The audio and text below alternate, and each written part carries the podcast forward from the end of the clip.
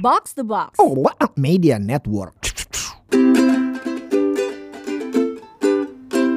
Mencoba minimalis. Mencoba minimalis mengurangi yang gak perlu lebih dari sekadar beberes. Kali ini ada Puri.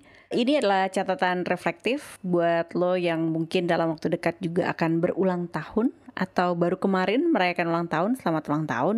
Gue pun sudah lewat lebih dari seminggu nih ulang tahunnya dan sering ditanya gitu kayak gimana rasanya ulang tahun kali ini di usia yang sudah tidak muda lagi ya.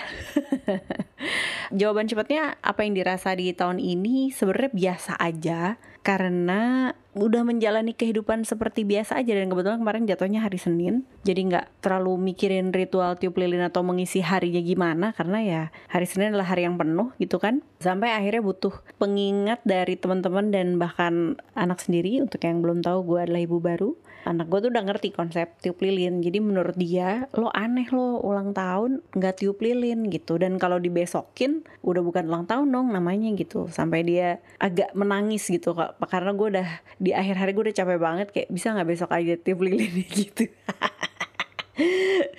Jadi gue merasa bersyukur dikelilingi orang-orang yang mengingatkan betapa pentingnya hari ini walaupun mungkin buat gue udah mulai pudar kepentingan itu ya. Bisa jadi kepudaran ini, kepudaran rasa apa ya? Merasa hari ulang tahun adalah hari yang penting karena udah masuk babak dua kehidupan gitu di mana sering kali society menganggap semakin berumurnya lo ya udah lo direduksi aja gitu. Lo bisa nggak duduk manis-manis aja nggak usah pikirin career switch nggak usah mikirin side hustle. Pokoknya menjalani kehidupan apa adanya perbanyak ibadah gitu ya dan kelar gitu.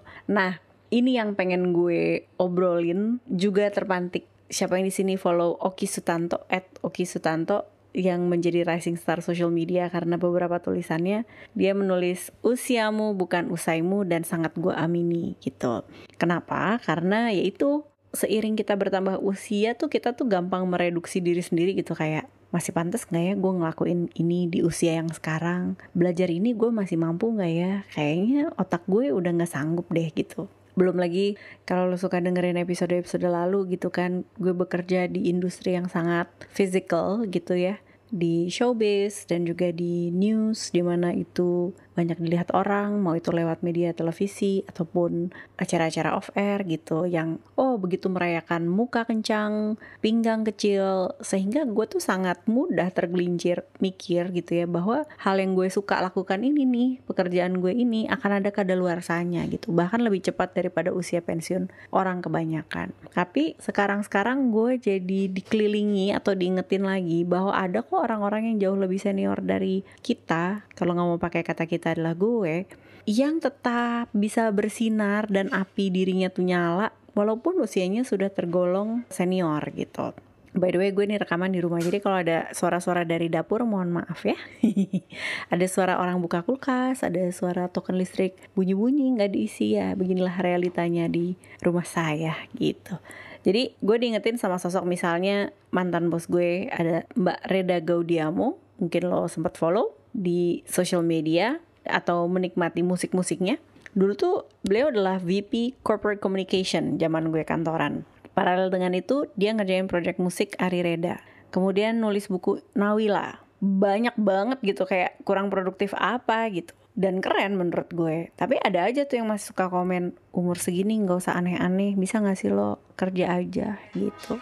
Nah, Anyway, gue balik lagi ke cerita Mbak Reda. Nyatanya sekarang ketika dia juga sudah selesai uh, karir kantorannya, uh, aku lupa apakah itu resign atau emang udah masuk pensiun ya. Nyatanya sekarang Mbak Reda tuh tiktokan men, tiktokan pakai gayanya sendiri yang nggak joget gitu. Dia dia suka ngasih konten hashtag buat nak sebelum tidur gitu. Kalau lo belum pernah lihat silahkan dicek sendiri. Sangat disayang Gen Z, nulis buku masih lanjut terus. Seri setelahnya Nawila masih ada. Gue suka ketemu di skena culture ibaratnya ya. Suka ketemu di Museum Macan dan wajahnya selalu kelihatan happy gitu. Mengingatkan gue betapa ngelakuin yang kita pengen. Sebenarnya itu gampang. Yang susah itu ekspektasi harus sukses dan harus sempurna setiap saat. Ngomong ke diri sendiri ya. Karena jangan-jangan tembok tinggi terbesar kita itu adalah diri sendiri dan bisa jadi circle terdekat kita yang harus jadi support system malah menjadi pematah semangat gitu. Yang membuat gue ngomongin poin selanjutnya. Poin selanjutnya adalah orang kedua itu valuable banget. Jadi ada sebuah TED Talk dari Derek Sivers, uh, lu bisa lihat di Google aja TED Talk Derek Sivers itu udah lebih dari satu juta views. Dia ngejelasin di situ tuh ada sebuah potongan video yang dia putar. Gambarnya tuh videonya menunjukkan ada dance party dadakan di padang rumput. Kayaknya orang lagi pada goler-goler di padang rumput di musim panas. Terus tiba-tiba ada satu orang gila joget sendirian. Gak gila sih orang joget sendirian aja gitu. Si Derek Sivers itu mau ngasih tahu bahwa sebenarnya dance party dadakan ini nggak akan ada kalau nggak ada orang kedua yang gabung dan maju. Orang kedua yang gabung ke orang gila itu. Gue menyebutnya orang gila karena dia berani joget sendirian gitu ya.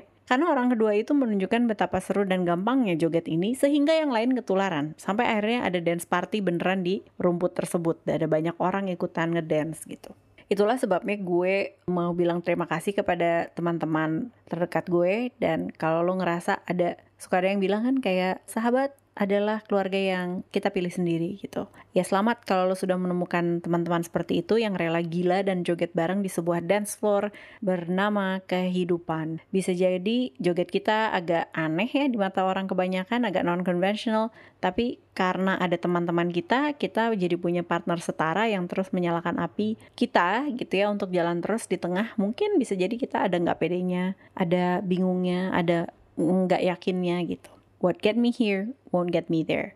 Jadi kalau lo ngerasa sama kayak gue gitu ya, gue udah kerja keras, kaki jadi kepala, kepala jadi kaki, udah membawa gue sejauh ini, bisa jadi untuk maju lagi ke depan nggak bisa pakai trik yang kita tahu. Apa yang berhasil dulu belum tentu berhasil sekarang. Ini juga adalah pengingat diri di mana jangan sampai kita menjadi orang yang selalu mengglorifikasi kejayaan masa lalu gitu ya. Yang akhirnya di tiap percakapan tuh dimulai dengan kata-kata dulu tuh gue gitu ya. Iya, dulu tuh kita gini gini gini gini terus akhirnya ngenye-ngenyein generasi sekarang tanpa mau belajar cara baru. Uh, sehingga bikin gue mikir apa bedanya kita sama angkatan bapak ibu kita yang suka ngenyain kita zaman dulu gitu kan. Berarti kita mengulang pola yang sama dong. Jadi catatannya adalah ambil yang bagus dari setiap generasi, buang yang gak relevan. Ini juga berlaku dalam konteks merawat diri ya, karena saya juga sudah masuk babak dua, metabolisme melambat, ada efeknya. Kalau dulu makan seenaknya begadang gak masalah, sekarang harus rekalibrasi ya. Udah mulai sakit punggung, kalau duduk kelamaan gak pernah jalan gitu ya. Makan sembarangan kolesterol naik gitu. Sehingga kalau mau panjang umur, kuat fisik, kuat mental, merayakan hidup, ya kita perlu sayang-sayangin badan kita gitu dan dikelilingi oleh sosok-sosok seperti FX Mario yang memang adalah seorang professional fitness coach gitu ya. Wejangan fitness yang paling membosankan adalah benar adanya. Makan sesuai nutrisi, olahraga sesuai keperluan, dengan catatan olahraga yang kita suka. Karena kalau kita nggak suka ngerjainnya, nggak akan konsisten. Tidur yang cukup, sadar sama pola badan kita, bahwa pagi makan yang paling berat gitu ya, dimulai dengan buah dulu, makin malam kita makin ringan makannya kalau kita memang mau atur pola makan, perginya ke dokter gizi atau nutrisionis, bukan cari cara instan dengan minum pil diet akhirnya moncor-moncor atau mendadak intermittent fasting tanpa rekomendasi dokter. Karena yang terakhir, ini gue kena banget. Gue pikir intermittent fasting udah paling cocok sama badan gue. Ternyata justru kebalikannya. Nah, ini shout out untuk FX Mario dan Kemal Ardianto yang suka bantuin gue sebagai nutrisionis gitu ya. Karena beban kehidupan makin berat, jangan ditambah berat lagi dengan badan kita gampang sakit.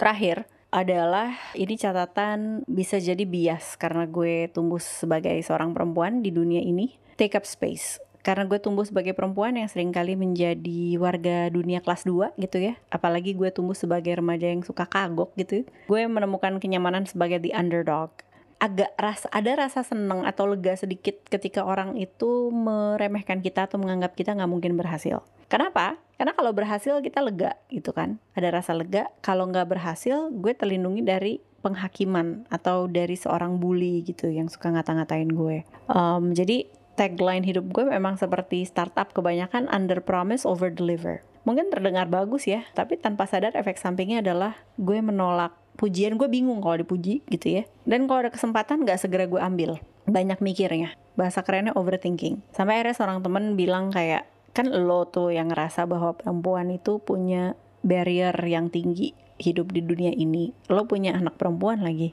kalau lo melakukan hal tersebut pada diri lo gimana lo memastikan bahwa anak perempuan lo juga akan hidup menghidupi seluruh potensinya gitu take up space. Take up space. Jadi artinya ambil posisi, ambil space, gak usah malu-malu. Gue sih cry gue dengernya. Karena itu bener banget gitu. Sering kita tuh mengkerdilkan diri sendiri sebelum mencoba itu makanya mencoba minimalis adalah nafas kami bersama di sini. Kalau nggak nyoba terus ya dikurangin. Nggak perlunya. Gitu aja. Sehingga gue akan menutup obrolan ini dengan apalagi kalau misalnya lo perempuan dan lo merasa hal yang sama sama gue gitu. Karena dari zaman ke zaman ada aja tantangannya untuk perempuan gitu dari zaman Eleanor Roosevelt sampai sekarang Brene Brown kesimpulan tetap sama to all the men and women in the arena who fight for what they believe in, who dare to lead, who embrace vulnerability, take the risk to fail. And I would just say these two words, keep going. Jadi bahasa gampangnya adalah sebenarnya nggak perempuan aja sih. Gue ngerasa kayak gini pasti ada biasnya. Tapi Eleanor Roosevelt dan Brene Brown bilang siapa pun laki atau perempuan yang sedang ada di arena Artinya lo benar-benar berjibaku langsung ya, lo menyingsingkan lengan baju dan ngelakuin apa yang lo rasa perlu diperjuangkan, apa yang lo percaya, gak malu menunjukkan kerapuhan lo ya di depan orang banyak dan mengambil resiko. Pesannya cuma dua kata, keep going, jalan terus. Sehingga balik lagi kalau ada yang nanya, ulang tahun ini lo memaknainya gimana dan di usia yang baru lo akan gimana, ambil tempat, jalan terus, dan joget terus. Untuk lo yang sebentar lagi ulang tahun, selamat ulang tahun. Jalan terus, joget terus. Gue tunggu cerita lo di DM at mencoba minimalis dan ditunggu selalu voice note lo lewat mencoba minimalis at gmail.com. Waktu gue pamit, sampai ketemu di episode mencoba minimalis berikutnya. Purya, thank you for listening. Bye for now. Mencoba minimalis.